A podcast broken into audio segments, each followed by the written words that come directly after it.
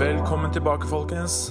Hør nå, statistikken viser at dere, altså våre lyttere, bruker Buzzsprout-linken jeg vanligvis legger ut på Facebook for å høre på podkasten. Men hvorfor ikke gjøre det mye enklere? Du kan slippe å måtte gå inn via link hver eneste gang vi legger ut nye episoder. Hvorfor ikke la telefonen din gjøre jobben for deg? Jo, hør nå. På din hvilken som helst podkast-app skriver du inn i søkefeltet 'OSA på linja'. Når vi dukker opp på skjermen din, så klikker du 'abonner'. Det koster deg absolutt ingenting. På denne måten får du alle, gamle og nye episoder oppdatert uten å måtte løfte en finger. Kom igjen, da. Gjør det. Pluss, send gjerne forslag på hva dere ønsker å høre på, og eventuelt hvem dere ønsker å få invitert til podkasten. Så til denne episoden. Jeg fikk med meg administrerende direktør i trikken, Birte Skjule.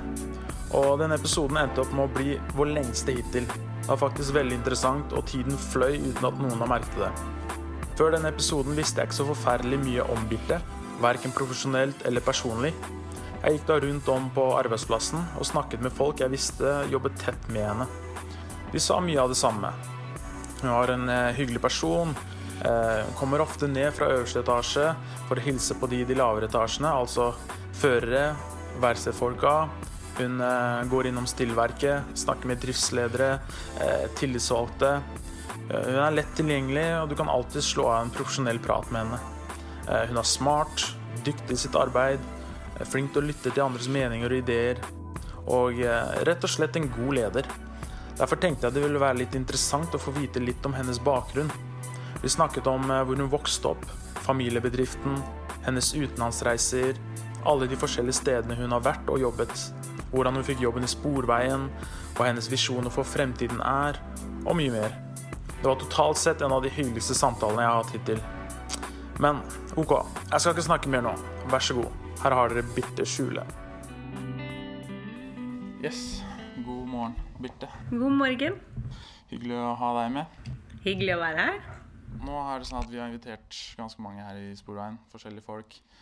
Eh, ideen Vi snakket litt før jeg begynte å ta opp om ideen bak det. Var å bli kjent med ledelsen. Eh, knytte det Holdt jeg på å si Det er det store gapet mellom de helt ned på gulvet og de helt på toppen. Lære å forstå hverandre bedre og hvordan bedriften fungerer og sånne ting. Så i dag tenkte jeg egentlig bli litt mer, bedre kjent med deg, da. Det var mm, tanken bak det, og ideen bak eh, denne episoden. Så jeg vet ikke hvor vi skal starte. Vi har snakket litt, men du kan jo kanskje introdusere deg litt òg. Hvor du er fra.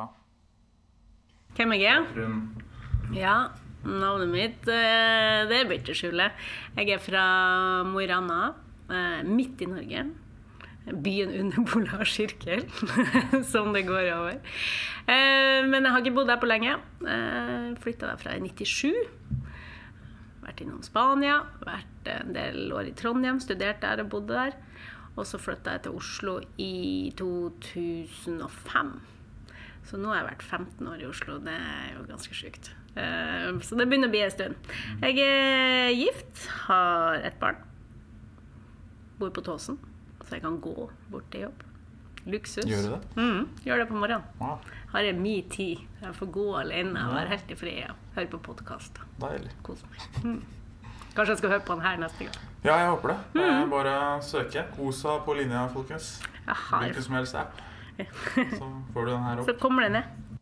kommer det ned. Så Mo i Rana eh, Vi snakket litt om familiebedriften. Mm. Ja, litt sånn oppveksten. Nei, jeg har jo vokst opp i en sånn ja, skal vi si klassisk kjernefamilie. Eh, ei storesøster og far og mor. Mo er jo en eh, industribedrift, eller industriby, eh, hvor Jernverket og Koksverket og de her store eh, nasjonale selskapene ble lagt når man skulle bygge opp landet eh, etter, etter krigen. Og, eh, så byen er jo veldig prega av det. Og så kommer besteforeldrene mine på begge sider. De kom til Mo i forbindelse med det og starta virksomhet rundt det. Eh, og på faren min sin side så, uh, så starta de opp en, eh, en grossistforretning. Og, og det er jo der jeg er vokst opp, da. så jeg er vokst opp på lageret eh, til grossistbutikken til, eh, til faren min. Så det var egentlig det jeg gjorde fra istedenfor barnepass fra jeg var sånn ca. fem år. Så var jeg på lager hos faren min. Eh, og etter hvert så kunne jeg bidra litt mer også. Så det, var, det var min første jobb. Både for meg og søstera mi. Det gjør noe med deg, gjør det ikke? Når du starter sånn? Det gjør jo det, eh, helt klart. Du, du lærer jo å jobbe veldig tidlig, og du skjønner jo det, og du skjønner hvordan en virksomhet fungerer. Og eh, spesielt siden det er familiebedriften òg, så blir det litt sånn altoppslukende. Altså, faren min var jo der hele tida. Han var jo så vidt hjemom. Det var jo eh, der han levde. Eh, så det gjør noe, absolutt noe med deg. Og så blir man jo kjent med med folk og lære å bli kjent med mange forskjellige typer folk. Ja. Det var jo et eh, Det var jo jeg og masse manner på mellom 30 og 50. Såpass? Ja, det var jo ingen damer som jobba på lageret der. Ja. Men de tok veldig godt vare på meg. Eh, Det gjorde de alle sammen. Så eh, det var det nei, det var absolutt lærerikt. Det tror er det viktigste. At man lærer å respektere folk, jobbe sammen med mennesker. Ja, man lærer å jobbe. Man skjønner verdien av, eh, av det. Mm. Det var det viktigste jeg har med meg fra den delen. Og så studerte du Trondheim. Ja, jeg var i Spania først, etter videregående. Mm. lært spansk. Kan du spansk? Ja. Jeg har vært der to runder. Først en gang etter videregående, og så mens jeg studerte, så for jeg enda en runde ned til Spania.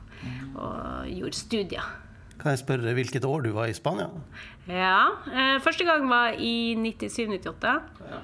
Og andre gang var i 2003. Ja. Hmm. Så da var jeg, Første gang var jeg i Malaga.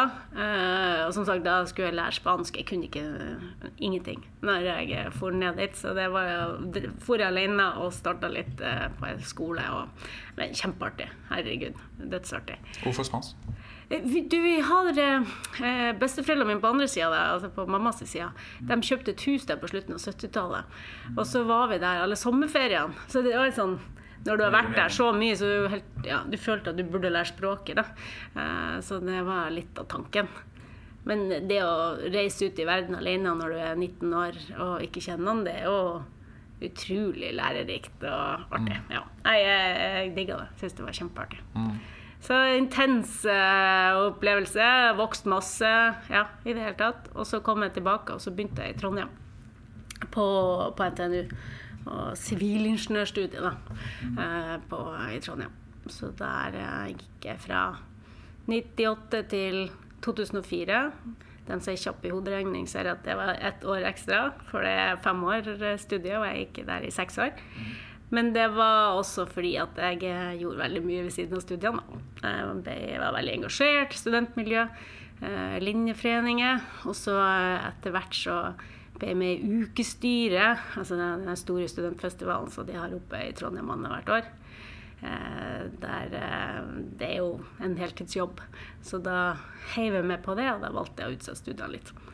Og det er også sånn eh, du går inn og bygger opp en festival helt fra, fra starten av. Der vi omsatt for over 20 mill. og overskudd på fem. Og, altså det, det er jo sånn Du får virkelig kjørt deg og, og testa ut eh, Testa deg ut på veldig mange måter. Stort ansvar tidlig, men kjempeartig. Men det er jo altoppslukende. Så når jeg var ferdig med det, så jeg måtte jeg jo ferdigstille studiene. Men det var da jeg var litt sånn Da, hadde jeg- ja, da passa det fint å feire en runde til til Spania. Så det var da jeg endte opp i 2003 i, ja, i Spania en runde til. Men da reiste jeg dit ingen andre dro. så da får jeg til plass etter Murcia, som ligger eh, sørøst. Og da hadde jeg egentlig bestemt meg for at denne gangen skulle jeg bli dritgod i spansk. Så da eh, gikk jeg husker, på universitetet og så spurte jeg eh, om de hadde noen plasser ingen andre dro. Og han ba ja. Og syntes det var et rart spørsmål. Han ba ja, det er en plass etter Murcia som ingen drar. Jeg ba ja, men da kan jeg dra dit, da. Og så dro jeg dit. Jeg er litt sånn selv. Ja, det er deilig å komme seg litt bort fra det derre Ja, og så hadde jeg liksom vært der en runde før, og da var jeg jo veldig sånn internasjonalt miljø. da. Jeg ble jo med masse skandinavere, engelskmenn. Ble dritgod i engelsk. Der nede? I, I Malaga, ja. Eh, lærte jo også spansk, men du brukte jo veldig mye engelsk da. Så derfor tenkte jeg hvis jeg skal gjøre det her en gang til, så må jeg dra en plass der jeg ikke har anledning til å gjøre det, da. Så ja, så jeg får til Morsia. Og på nytt igjen sånn ute i verden alene av eh, ja, eh, fiksa meg leilighet og har fått fantastiske venner. Så jeg fortsatt har kontakt med og Vært i bryllup og de her og jeg Der her. nede Og, ja, fem år siden. Wow. Så eh, det var et uh, artig opphold, altså. Jeg, Sånn virkelig sett spor i livet. Og så var jeg tilbake og gjorde ferdig eh, studiene mine. Og da var jeg ganske lei av Trondheim. Da var jeg klar for å gjøre noe nytt. så da hadde jeg leilighet i Trondheim som jeg solgte, og skulle flytte. Eh, men da var det tidlig 2000 eller sånn, medium 2000, så da var det ikke så lett å få jobb heller. Så jeg klarte alt overmål å få jobb i Trondheim. Eh, så da måtte jeg kjøpe ny leilighet til Trondheim. Eh, og så var jeg der et år til. Men da jobba jeg med innovasjon og entreprenørskap.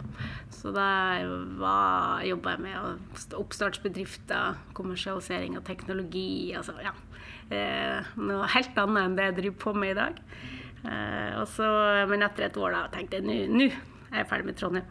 Så da sa jeg opp, og så flytta jeg til Oslo, og så tenkte jeg vi får ta det derfra. så det var i 2005, da. Mm.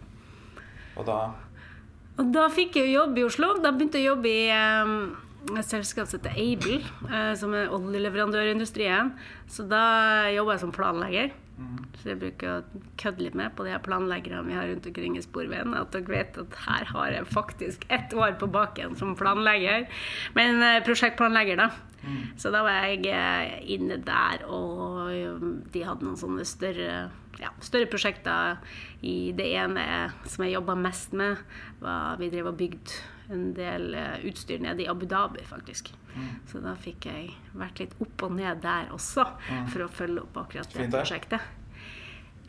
Ja, det var veldig varmt der når vi var der, da, men eh, jeg, jeg fikk litt sånn bismak eh, på det, fordi når du kommer ned dit og, eh, og ser ja, hvor annerledes eh, arbeidsforholdet er der enn det vi er vant med her. Ja, forhold til de på bakken og ja. de ja. Det syns jeg egentlig ikke var noe hyggelig. Nei. Og der er det jo veldig mye fremmedarbeidere òg. Mm. Det, det, er jo ikke de lokale eh, emiratene som jobber på gulvet. Mm. Så det er jo fremmedarbeidere som jobber der med mm. ganske mm. ja, Vi vil i hvert fall oppleve det som veldig dårlige vilkår. Eh, og se de stå ute og sveise i 40 varmegrader. Jeg vet ikke. Jeg, jeg syns ikke det var så hyggelig. Nei, Nei. men Nei. forståelig. Mm. Men uh, selve jobben var jo lærerik. Men jeg, ja, jeg traff vel ikke helt det jeg hadde lyst til å holde på med. Så da fikk jeg meg ny jobb igjen. Så da begynte jeg å jobbe som konsulent med strategi og med kjøp og salg av virksomheter. Mergers and acquisitions, M&A. Så det var et litt mindre nisjeselskap som lå ute i Sandvika som het Rokale. Og der uh, lærte jeg mye. Var der i nesten tre år. Uh, eh, Jobba med masse forskjellige virksomheter og mange forskjellige bransjer. Du blir veldig god til å uh, analysere og gå inn i virksomheter, forstå virksomheter, forstå markeder. Uh, var også med selvfølgelig da i salgsprosesser og i kjøpsprosesser av selskaper. Eh, så det var lærerikt, og det er vel det som jeg bygde på og tok med meg når jeg begynte i rollen min her i Sporveien, eller kollektivtransportproduksjon, mm. som det så fint heter når jeg begynte her i høsten 2009. Var det Når du starta her, hvilken stilling hadde du? Første tittelen min var konsernanalytiker. Okay. Ja, det er så diffust at det er ingen som skjønner hva det er for noen ting. Men uh, ja, nei uh, Det var vel litt Cato hadde jo begynt her da eller så, 1. april, og jeg begynte her 1. september. Og så visste jeg og Cato av hverandre fra før av, for han har vært innom det her selskapet som jeg var konsulent, det konsulentselskapet jeg var i. Mm. Der var han i en periode mellom Dagbladet og han begynte her, da. Og så tror jeg vi slutta, hadde samme avslutningsdag i det konsulentselskapet. Vi kjente ikke hverandre så veldig godt, vi jobba ikke med de samme tinga, men vi visste jo av hverandre. Mm. Og så satt vi ved siden av hverandre på den avslutninga, og så spurte han litt ja, hva du skal gjøre nå, da. Så sa jeg nei, det vet jeg ikke. Jeg hadde jobba så mye. Jeg hadde liksom jobba ja, alle døgnets timer, så jeg tenkte at eh, nå må jeg være slutt, og så må jeg finne ut hva jeg skal gjøre for noe, for jeg har ikke tid til å søke jobb mens jeg jobber her, for jeg jobber jo hele tida. Eh, så da satt de og prata litt, så sa han sånn Ja, nei, jeg fortalte han litt at han skulle begynne i KTP, da. Eh, og så sier han ja, det kan jo hende at det åpn, åpnes noe der. Så sier jeg ja, da får du si fra i så tilfelle.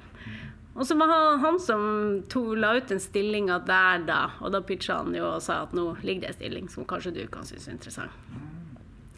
Så eh, jeg vil vel kanskje ikke automatisk ha søkt på kollektivtransportproduksjon hvis ikke han hadde eh, solgt det inn på en god måte. Da. For jeg visste jo ikke hva det var for noe. Altså, det, det visste jo ingen. Alle visste hva sporveien var, men ingen visste jo hva kollektivtransportproduksjon var for noe. Så, det, så da var litt i tenkebåsen, og så var han god til å selge inn, da. Eh, så da begynte jeg her i september 2009. Og da rapporterte jeg i første fase til heter Torbjørn Thoresen, som da satt i konsernledelsen og var ansvar for forretningsdrift. Altså Konsernet var jo skrudd sammen så annerledes da. Det var jo egentlig lagt til rette for at alt skulle splittes opp og selges ut. og ja, det var mange enheter og veldig få som ønska å snakke så mye sammen. Men det var jo ikke så rart heller, for det var jo sånn de var satt opp. De var jo satt opp for at TV-en skulle være et selskap, skulle skilles ut, trikken på samme måte. Eh, vekst, eh, Verkstedet skulle konkurranseutsettes. Eh, Infrastrukturvedlikeholdet skulle skilles ut i eget selskap og skulle gjerne fusjoneres med et annet selskap. Altså, alt var jo rigga sånn, da. Men det gjorde jo at eh, å komme inn her var jo veldig spesielt. da. For det var et sånt selskap som ikke hadde noe ordentlig struktur, i hvert fall ikke en, en eh, felles retning og en, en plass de skulle. Mm. Uh, og det var jo selvfølgelig det som var de politiske vedtakene på den tida. Da. Det var jo det som uh, var beslutta. Uh, men Cato hadde jo kommet inn med et litt annet mandat. Og det var jo det jeg også begynte å jobbe med. Vi begynte å se på strategien til KTP. Da. Hva skal KTP være, og hvordan tror vi at det skal lykkes? Mm. Og så var det ganske lærerike år de første årene. Um, Hadde mye kontakt med fagforeningen da? Ja. Eh, Rune Jeg ble satt som styresekretær i konsernstyret og i bedriftsforsamlinga. Så jeg satt jo veldig tett opp mot eh, eh, mot alle som rørte seg i de litt sånn styrende organene. Eh, og etter et halvt år eller ett år rapporterte Torbjørn, så begynte jeg å rapportere direkte til Cato. Eh, og da hadde jeg tittelen assisterende direktør, tror jeg. Ja. Jeg kan sjekke ut senere på CV-en min. Men jeg jobba jo veldig mye med det. Jeg jobba mye med strategi, jeg jobba mye med konsernutvikling, og jeg jobba mye med eier kontakt og eierdialog. Så ja, jeg jobba jo hele tida mye med de konserntillitsvalgte, da. Og da var det Rune og Sveinar på den tida. Ja. Da fikk du sikkert høre om det med oppsplitning og Ja, jeg var jo Jeg fikk jo mye av historien fra, fra dem, og fra veldig mange andre som, som jobba i, i, KTP også. Altså, det var jo masse flinke folk og øh, og det var jo sånn trist sånn som selskapet lå akkurat da. Og uansett det var liksom hva skal jeg si, de hadde, liksom, de hadde vedtatt noe fra politisk hold, men de hadde ikke gjennomført det. Så det var verken det ene eller det andre. Det, og, og, så vi, så begynte vi å, å se litt på hvor, hvordan skal vi jobbe med det her videre, og hvordan skal vi dra oss sammen til å bli mer et helhetlig konsern. da. Uh, og så var det litt utfordrende, for mens vi holdt på med de tingene, så kom det stadig nye føringer fra eier. uh, Selg ut pussen. Uh, Konkurranseutsett vedlikeholdet på MX-en. Skill ut infrastrukturen i eget selskap. Full, altså, det var jo hele tida nye eiersignaler. Altså det å manøvrere seg her og, og prøve å liksom holde fokus på, på, det vi skulle gjøre, det var, det var krevende. Du følte at dere var samla her? Ja. ideen om hvor dere egentlig ville gå? Ja, etter hvert så var vi det. Vi hadde en sånn større uh, organisasjonsutviklingsprosess i 2010-2011, tror jeg det var. Der vi begynte å se på er, hvordan skal vi organisere konsernet, for sånn som vi er nå, er jo ikke hensiktsmessig. Og det var jo selvfølgelig en, eh, det var en ganske stor prosess, og husk vi hadde, litt, vi hadde hjelp også for å kjøre den. Fordi det var jo da man man kom opp med at uh, en del sånn litt sånn større endringer, bl.a. Da, da vi satt sammen og, og slo sammen trikk og. Uh, og man så på et mer sånn helhetlig integrert konsern. Det var jo det som var tanken. Har vi vært oppsplitta i mange selskaper, på mange styrer. og og lite samhandling, mens vi så at hvis vi slår oss sammen, eh, får til det helhetlige konsernet, så har vi trua på at vi skal greie å, å få til store verdier og skape verdier eh, fremover for Oslo. Da. Eh, og så, eh, og så hadde vi jo Så var jeg jo innimellom her, så i tillegg til alle de politiske signalene, så hadde jo eh, Eh, så hadde vi hele den runden med Unebuss også. Så det var ganske sånn turbulente år, det her 2010 til 2012. Da var det mye som skjedde når jeg har sett på det i ettertid. Så var det ganske hektisk år med, med mange omveltninger og store prosesser som kunne ha gått ned noen andre veien. Men jeg syns vi manøvrerte godt. Uh, og etter hvert så fikk vi også anledning til å komme med forslaget på hva vi, vi mente var den riktige strukturen for Sporveien. Da fikk vi ny byråd. Eh, eh, Ola Elvestuen kom inn eh, fra Venstre. Og han ga oss eh, Han sa det er greit, dere skal få lov til å, til å komme, komme deres forslag på, på hvor, eh, hvordan Sporveien skal være. Og så kom vi til han med og sa at hvis vi får lov til å organisere oss på denne måten, så skal vi levere på et forbedringsprogram på 300, hva var det vi sa, 370 millioner eh, det neste frem mot 2015.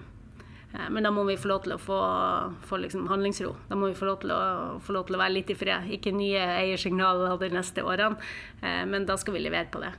Og så sa han OK, han stolte på oss, han uh, ga oss tilliten, og det har vi jo levert på. Uh, det var jo det som var best 2015. Eh, så det var jo en uh, intens periode, men utrolig artig også. Og man ser jo hvor mye kraft man har i det her selskapet når man går i samme retning. For da gikk jo ledelse, tillitsvalgte, ansatte Altså vi dro alle i samme retning og ønska å få det her til. Vi ønska å, å, få til å bygge et sterkt Sporveien som som viser muskler og viser at vi får til det vi sier vi skal få til. Og vi leverer på det vi sier vi skal levere på. Eh, så det var en utrolig artig prosess. Det var krevende med moro. Mm. Ja, jeg har bare lest om det. Med deltok ikke, men eh, ja. En kamp dere vant.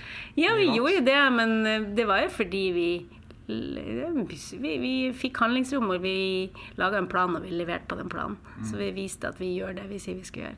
Ja. Og det var kjempenyttig. Og når vi da kom til 2015, så var det ingen lenger som snakka om at vi skulle på den måten konkurranseutsettes. Mm. Eh, fordi vi var en suksesshistorie som alle ønska egentlig å identifisere seg med. Mm. Så det var jo en ganske stor kontrast fra, fra det det var i 2009. Da. Mm. Var det da du Nei, jeg satt jo uh, jeg satt jo etter hvert, eh, etter assisterende direktør, så, så eh, ble jeg eh, et fast medlem av konsernledelsen og hadde ansvar for strategi. Strategi og konsernutvikling. Så det var jo det jeg hadde fra 2012 eller noe sånt. Så gjorde jeg det frem til 2016. Og da begynte jeg å tenke, for da hadde jeg vært med på hele den prosessen, vært med på etablering av Best 2015, gjennomført Best 2015, eh, etablert Best 2020. Og da kjente jeg at nå tror jeg noen andre skal få komme til, eh, og så skal jeg gjøre noe annet. Og så hadde jeg lyst til å jobbe mer operativt. Jeg er jo vokst opp på et lager. Jeg syns jo det er artig å være litt nedi der det skjer. Så, så, det var litt der var jeg på søket. Men akkurat da så var det ikke noe stilling ledig her. Så da var jeg faktisk i prosess i flybransjen en liten periode. Med, ja, jeg var i prosess på en stilling der. Nei, ja, jeg var egentlig så hadde jeg takka ja til stilling uh, i Widerøe som assisterende driftsdirektør. Men så kom Cato inn fra sida og sa at nå kommer det til å bli Nå har jeg åpning på, på trikken. Så hvis du har lyst, så er det en mulighet. Og da var jo det en mulighet jeg ikke kunne si nei til. Mm. Mm. Det er mange søkere på, til den stillinga, var det ikke? Nei, eh, det var, hadde, da var jo trikken og T-banen samla, vet du. Mm. Så det her var jo en prosess der eh, man så at nå kommer det til å skje så mye i begge driftsartene.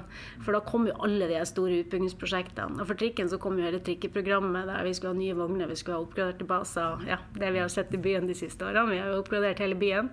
Mens eh, på T-banen så skal man også gjennom Fornebubanen, CBTC. Altså vi så at fra å være veldig sånn driftsorganisasjon, så skulle begge produktene nå ha veldig mye utvikling fremover. Mm. Og det var vel det Cato tenkte, at da ønska han å splitte dem for å få nok fokus til utvikling av begge driftsartene. For det begynte, Hvis ikke så ble det veldig mye én en enhet. Og så gjorde han den endringa. Eh, og så var jeg så heldig å få tilliten til å få lov til å kjøre trikken. da. Så da starta jeg der 1.9.2016. Mm. Så nå har jeg vært der i tre og et halvt år. Det gå fort. Gjør det. Men det var jo litt annerledes i starten. da. Gitt at T-banen og trikken hadde vært samla, så brukte vi jo en del tid på å splitte dem igjen. Men, eh, men det var jo mest samla på de øverste nivåene. Altså Førerne på trikken kjørte jo på trikken og tilsvarende på T-bane, og det samme på verksted. Så det var jo mer administrative stillinger som man måtte gå litt opp, da.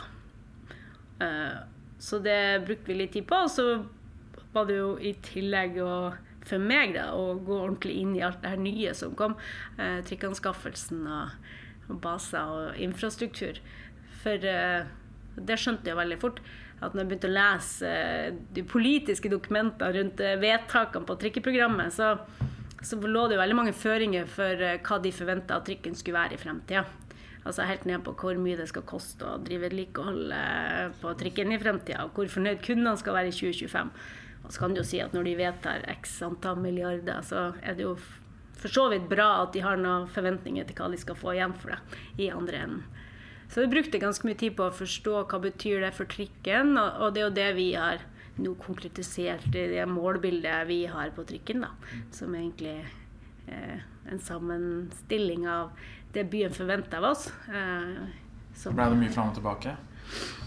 Nei Før de godkjente den endelige De hadde jo allerede vedtatt det målbildet. da.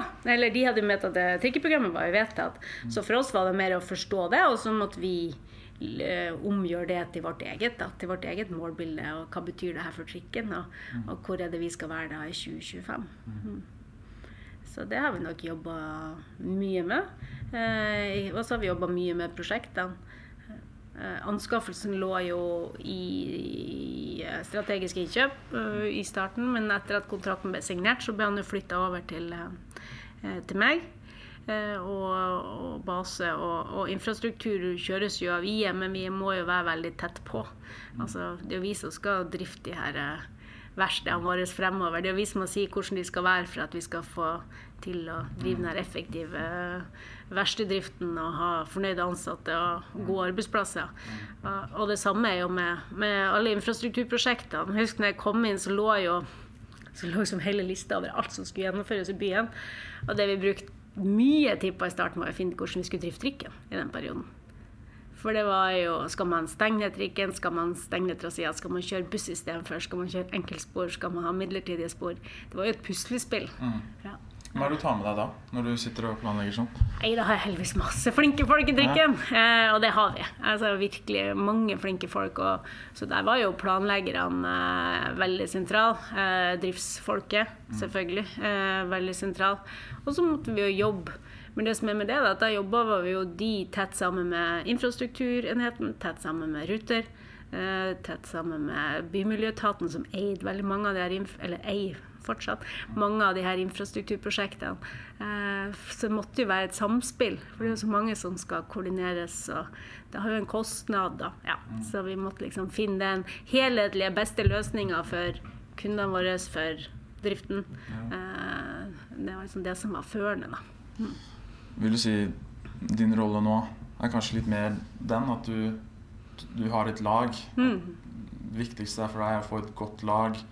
Folk vet rollene sine og faktisk leverer, og du kanskje Du får litt sånn overordna rolle nå, men du kanskje har hatt tidligere Nå har vi gått gjennom så å si hele livet ditt, Ja. og du har vært borti alle nivåer av holdt jeg på å si et arbeidsliv, tror jeg, til nå. Kan man si. Og hvordan ser du rollen din nå? Akkurat nå som direktør for trikken. Nå syns jeg at jeg har fått på plass et veldig godt lag. Eh, som du sier, jeg syns det er mye flinke folk i trikken. Jeg syns det, eh, det er god driv. Vi gjør eh, mange riktige ting. Vi vet hvor vi skal hen. Eh, så nå er det mer å bare eh, fortsette på det vi holder på med, og ikke minst levere på alt det vi skal levere på fremover. Og så, er, så det jo å få det Min jobb er jo da å Eh, og liksom få tydeliggjort hvor vi skal hen, og få med folkene på det. Eh, tilrettelegge for at vi får det gode samspillet på tvers. Eh, og så er jeg veldig opptatt av at vi må eh, vi skal ha med oss hele trikken på denne reisen. Da. Eh, og det er en sånn kjernesak for meg. Nå kommer det nye trikker. Eh, hvordan skal vi skape engasjement og entusiasme, og ikke minst eierskap til det nye i hele organisasjonen. Og det sitter vi og snakker mye om nå. Eh, hvordan vi skal gjøre det. Opp til nå så har du gjort det å invitere alle deler av trikken er med. ikke? Fra tillitsvalgte Alle er med. Alle er med. Alle, alle er med og alle er engasjert, men vi er jo så mange. ikke sant? Så alle 600 kanskje er ikke inne i alle prosesser. Og da må man sørge for at de blir informert, eller i hvert fall føler at de har muligheten til. eller ja. Eh, For det tror jeg er en styrke eh, når vi kommer nedover veien. Og så er det jo Da har du den podkasten, så Ja, da har jeg podkasten. Jeg, kanskje jeg kan være med og bidra på det. Nei, men det er jo Altså, for trikken så er det en fantastisk eh, tid vi befinner oss i. Eh, Når jeg presenterer trikken, så bruker jeg å dra tilbake Vi starta 1875 med hestesporvogn. Fikk vi elektrisitet og trikk etter hvert. Men vi har jo, i 2025 så har vi 150-årsjubileum, og da har vi en helt ny trikkepark. Det er en milepæl. Og hvis du ser historien tilbake Jeg skulle holde et eller annet innlegg for en stund tilbake, så da fikk jeg eh, noen til å sette sammen eh, avisutklipp opp gjennom historien der man så på alle gangene trikken har vært nedleggingstrua. og det er ganske utrolig. Det er nesten siden 1875 og frem til nå, med jevne mellomrom. Og det er jo litt av den eh, stolte historien som trikken har også, for jeg opplever at man har hatt så mye dyktige folk som hele tida har uh, evna å aktualisere trikken og sørge for at trikken var en moderne og aktuell driftsart. Eh, og sist i, i selvfølgelig starten av 2000, når man begynte å legge ned igjen, når man kom opp med konseptet rullende fortau. Folk vil ha Det skal være enkelt å bruke trikk. Og så øker man frekvensen og har hatt en fantastisk vekst fra 30 til 53 millioner reisende og fra 74 til 97 kundetypifisert. Og det er jo samme materiellet.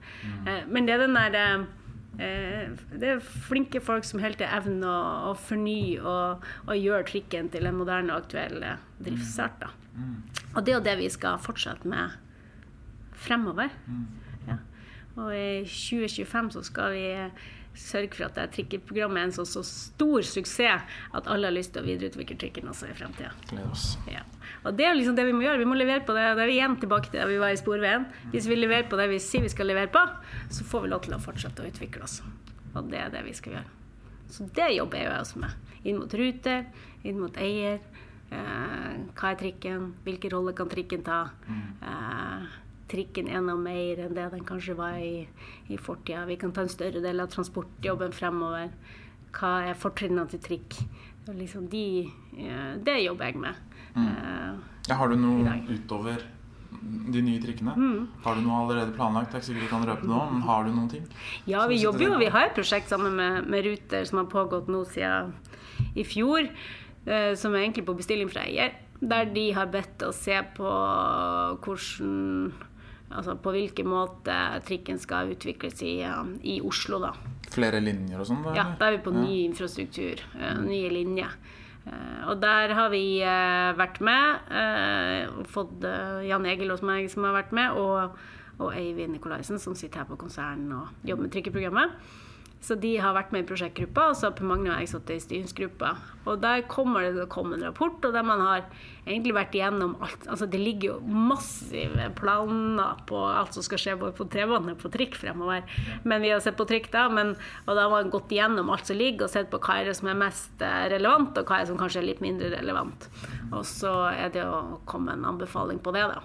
Men så selvfølgelig så må man se om det finnes penger og, og kraft nok til å gjennomføre det. Det blir jo neste fase, men, men eh, det Får du motstand sånn fram til nå? Politikere Ja, altså politikerne er vel eh, Politikere er jo sammensatt av mange forskjellige mennesker, Ja, mange forskjellige ønsker. Det. Eh, og det vil det jo bestandig være. Eh, så da må jo vi, som igjen, levere på det vi leverer på, og så posisjonere oss for det som kommer videre. Men jeg tror jo trikken kan spille en enda større rolle. Vi man snakker jo mye om superbuss og, og, og nye liksom de her ja, virkelig svære busskonseptene. Men, eh, men trikken vil fortsatt ha høyere kapasitet, og der har man et fortrinn. Og så er trikk og T-bane har eh, enda en sak, og det er at vi driver byutvikling. Hvis du det, det viser Hvis du bygger trikk eller T-bane ut, så blir det fortetning rundt det. Så det er en sånn i et sånn langsiktig byutviklingsperspektiv så er det veldig klokt å se skinnegående infrastruktur som en del av byutvikling. Da. For da, da driver du byutviklinga i Oslo. Og så vil folk helst ha skinnegående. De vil det. De vil ha trikk eller T-bane. Det er undersøkelser som viser det. Hvis du får velge mellom buss eller skinnegående, så velger skinnegående. Og vi må jo gi folk det de vil ha, må vi ikke det? Bruker jeg å si til Øystein i bussen, da. Så har vi litt gnivinger på det, men jeg tror egentlig alle driftsartene i Sporveien har vi trikk, buss og T-bane. Jeg tror de kompletterer hverandre på en god måte. Mm. Og det er det vi i Sporveien må, må, må liksom synliggjøre og, og, selge inn eh, mm. fremover òg. Hvor er det best med buss, hvor er det best med T-bane, og mm. hvor har trikken sin rolle? Og trikken har definitivt sin rolle. Mm. Jeg skal la Einar, før jeg går over på spørsmål Jeg tror du skrev du ned noen spørsmål i stad? Ja, altså, jeg har jo skrevet ned noen spørsmål og sånt. Men jeg kan jo begynne øverst her. og det på trikken, akkurat som på bussen, så har de stengt dør nummer én eh, for å unngå smitte. Og det, jeg oppfatta det sånn at det kom fra førersida. Ja, vi har jobba veldig tett sammen nå i, i hele denne koronaperioden. Eh, hvor vi har var Ganske tidlig så etablerte vi eh, en god struktur med de tillitsvalgte. Vi har hatt daglige møter. Sånn opp, både med de operative, men også med de tilsatte verneombud.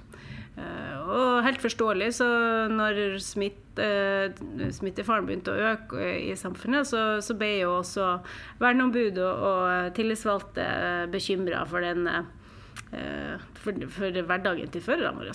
Og, det, og da kom, kom, det opp som en, et forslag, og så gjennomførte vi det ganske fort. Vi så at ja, det må vi gjøre for å ta vare på våre folk. Så det var en kjapp og god prosess som vi bare gjorde. Du har jobba i sånn merger og acquisitions, og, og, når du da kommer inn i Sporveien eller i kollektivtransportproduksjon AS, eh, hvordan oppfatta du liksom den oppsplittinga som var, og eh, hvordan det var å dra det tilbake igjen? For da har du på en måte sittet på begge sider av bordet.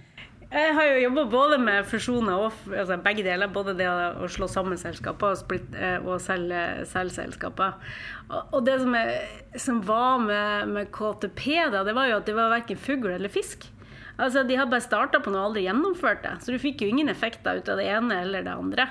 Eh, og, eh, og, det tror jeg var den største, største feilen som man hadde gjort. Og så, så, jobber vi jo mye med Og jeg har veldig trua på det helhetlige eh, konsernet vårt. Eh, jeg har trua på det at vi har trikk, at vi har operasjon, at vi har verksted og at vi har infrastruktur under samme tak, har en utrolig styrke. For vi er avhengig av alle for å kjøre trikk eller T-bane. Eh, og hvis noe er feil på infrastrukturen, så ringer jeg Knut. Jeg må ikke gå opp til en annen, og så må jeg ringe et annet selskap, og så skal vi sette oss ned og ha et kontraktsmøte. Vi bare fikser det. Eh, og det tror jeg er en av styrkene vi har nå i Sporveien. Det at vi, vi, kan løse ting under eh, samme tak, og så få ut effektene på det. Eh, så jeg, ja, Erfaringa mi fra den gamle jobben var vel at du må gjennomføre noe, og her var ingenting gjennomført. Og så opplevde jeg at det var det vi fikk til, når vi dro det sammen igjen. Ja, jeg jobba jo som T-banefører mens kollektivtransportproduksjonen AS eksisterte. Så jeg har jo 15 års ansiennitet nå. Eh, men eh, jeg tror det er ganske mange som ikke helt har liksom, altså Som ikke fikk med seg at Sporveien på en måte ble borte, og så ble det erstatta, og så kom det tilbake igjen. Eh, og en ting som jeg føler at det er nødvendig med den podkasten, er det at vi på en måte forklarer for folk hva det egentlig er ting betyr, og hva det egentlig var for noe. Hva var egentlig kollektivtransportproduksjonen? Husene, jeg kom, og litt artig. Jeg kom den første dagen min på jobb, 1.9.2009. Så kom jeg ned i første etasjen her, og da var det en resepsjon som var helt lukka. Altså, det var sånn eh, De satt jo bak en, en pult, men så gikk det en sånn glass helt opp. Så du hadde liksom ikke en sånn direkte dialog med folk. Og da husker jeg kom og banka på og sa at jeg skal begynne å jobbe her i dag. Å ja, ja, la oss se, skal vi ringe opp. Og da satt jeg oppe i tiende etasjen her, og du behøvde jo ikke å se folk en hel dag hvis du ikke ville. Eh, her, For det var jo bare kontorer og veldig mange lukka dører. Og det husker jeg også jeg syntes var veldig rart. Å gå rundt, og det var jo sånn bare jeg, jeg kom jo fra et veldig annet miljø da. Jeg hadde sittet litt mer Vi satt ikke i fullt åpent landskap, men vi satt i kontorfellesskap i hvert fall.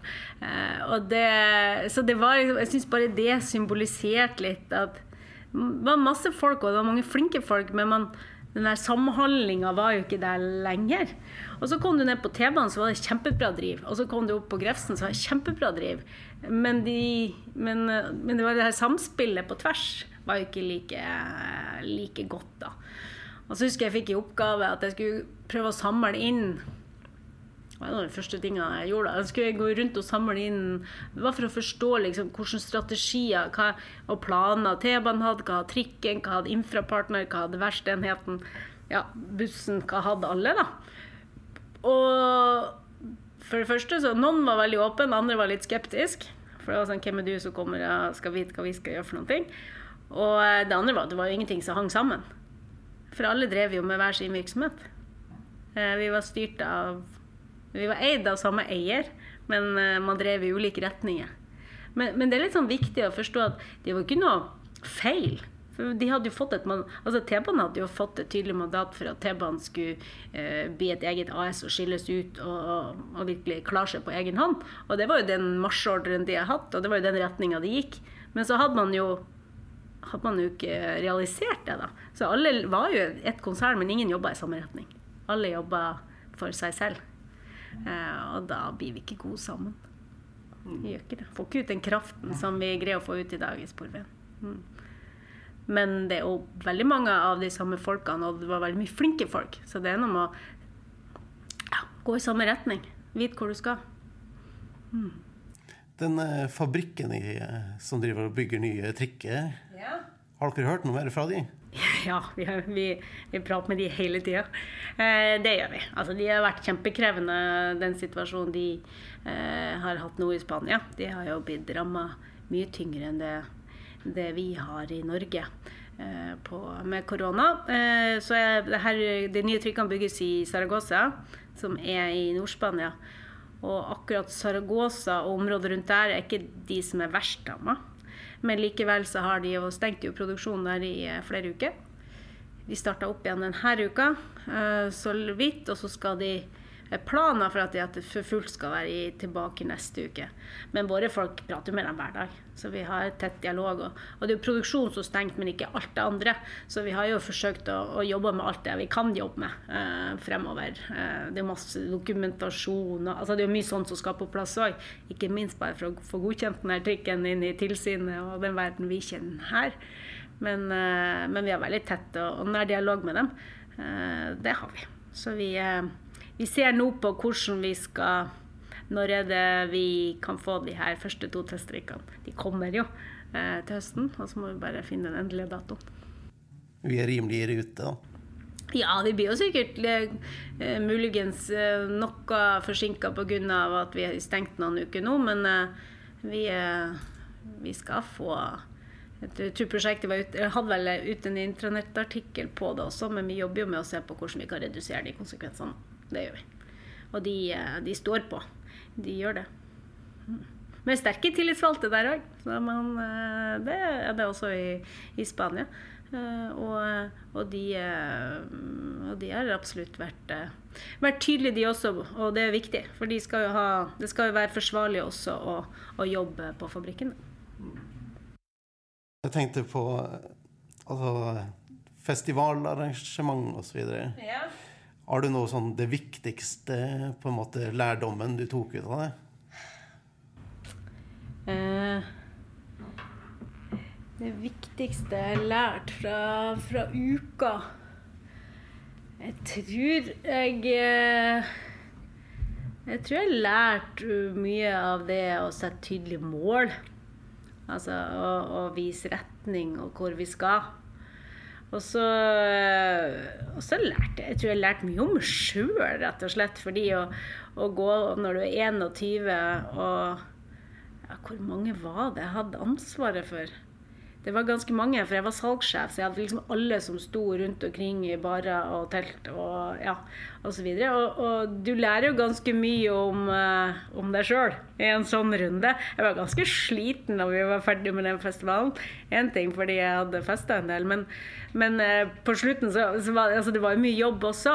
Uh, og jeg, det tok meg noen måneder å hente meg inn igjen etter den, den runden der, altså.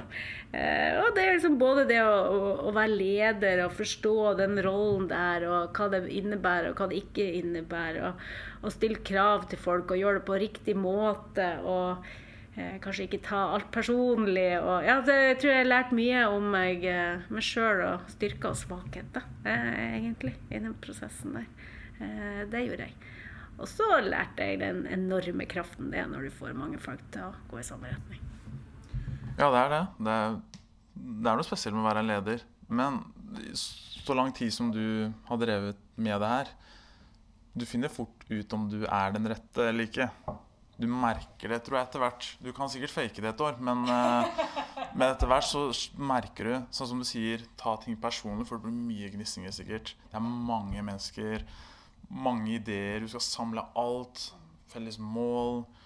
Det det er litt stort for noen, sikkert. Men for den rette så er det kanskje bare naturlig.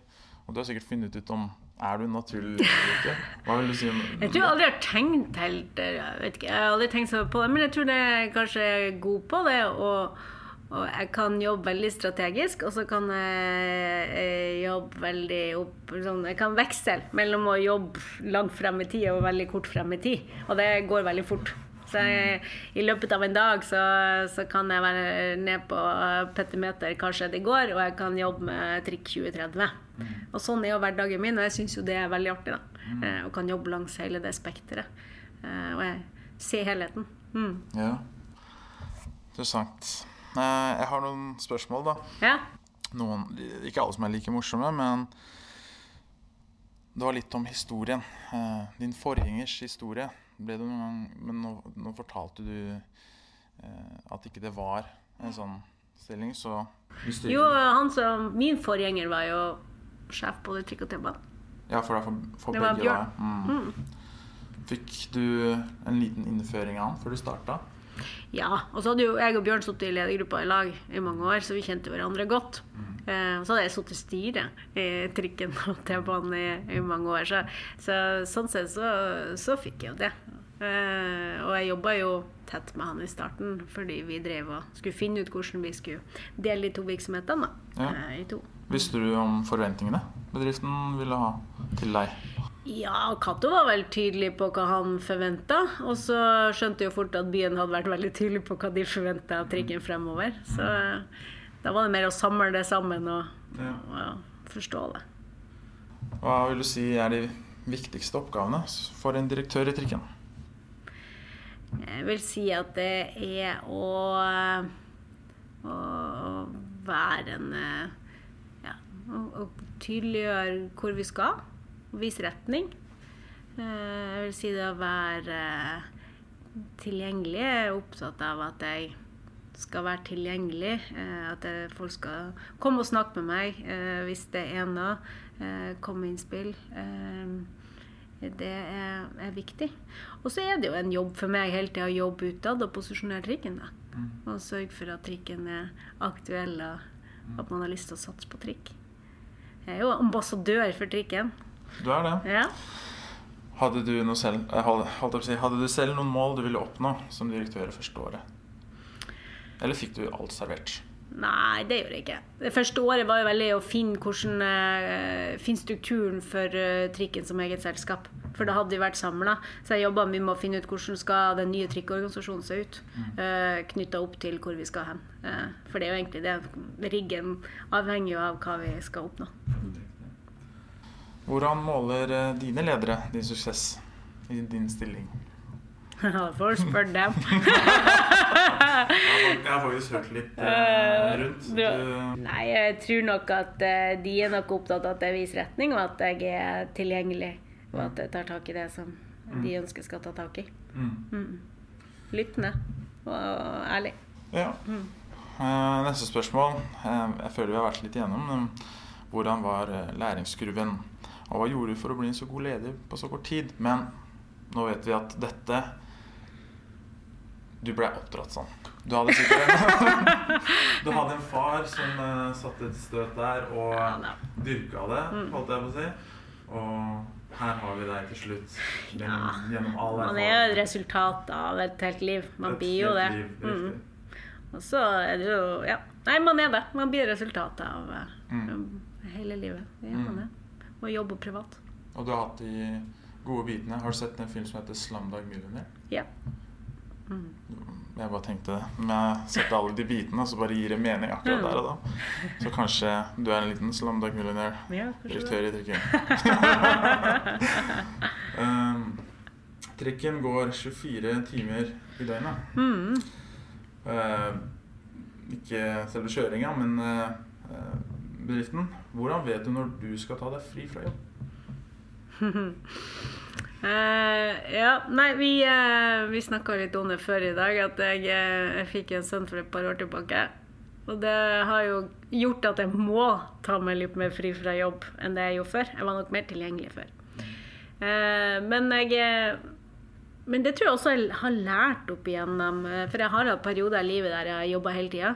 Eh, og da når man et punkt der man eh, ikke, ikke klarer mer, å si, eller der man kjenner at nå må jeg ha en pause. Så jeg har nok blitt flinkere til å til å, å ikke sjekke e-post hele tida. Jeg har fjerna sånn eh, notification, nye e-post på telefonen, for jeg kan ikke se at det dukker opp sånn 1, 2, 3, 4, 5, 6. Så jeg har ikke den der. Eh, Så går jeg heller inn når jeg sjekker e-posten.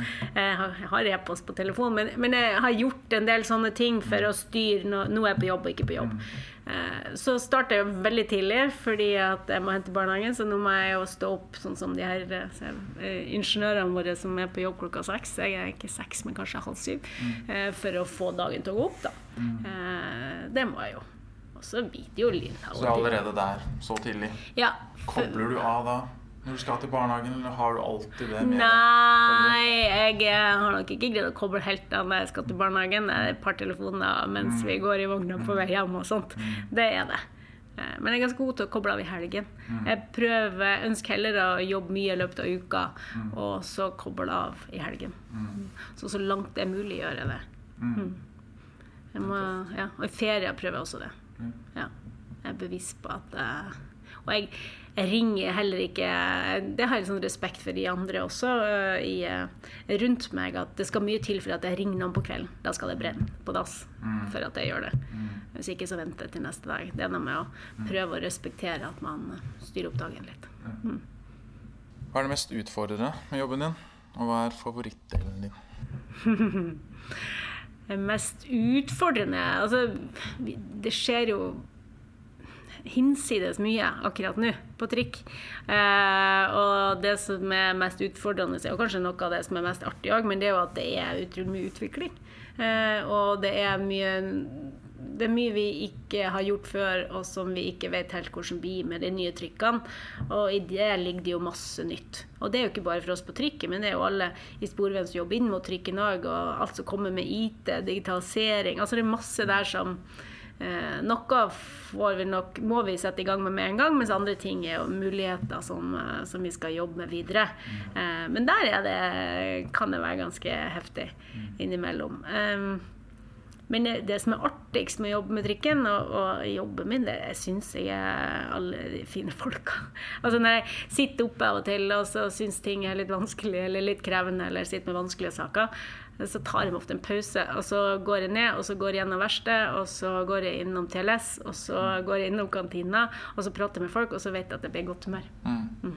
Og det Det tror jeg vi alle deler. ja, og det er så fantastisk. Ja. Eh, og det, det, sånn, det, det gir meg energi. da. Ja.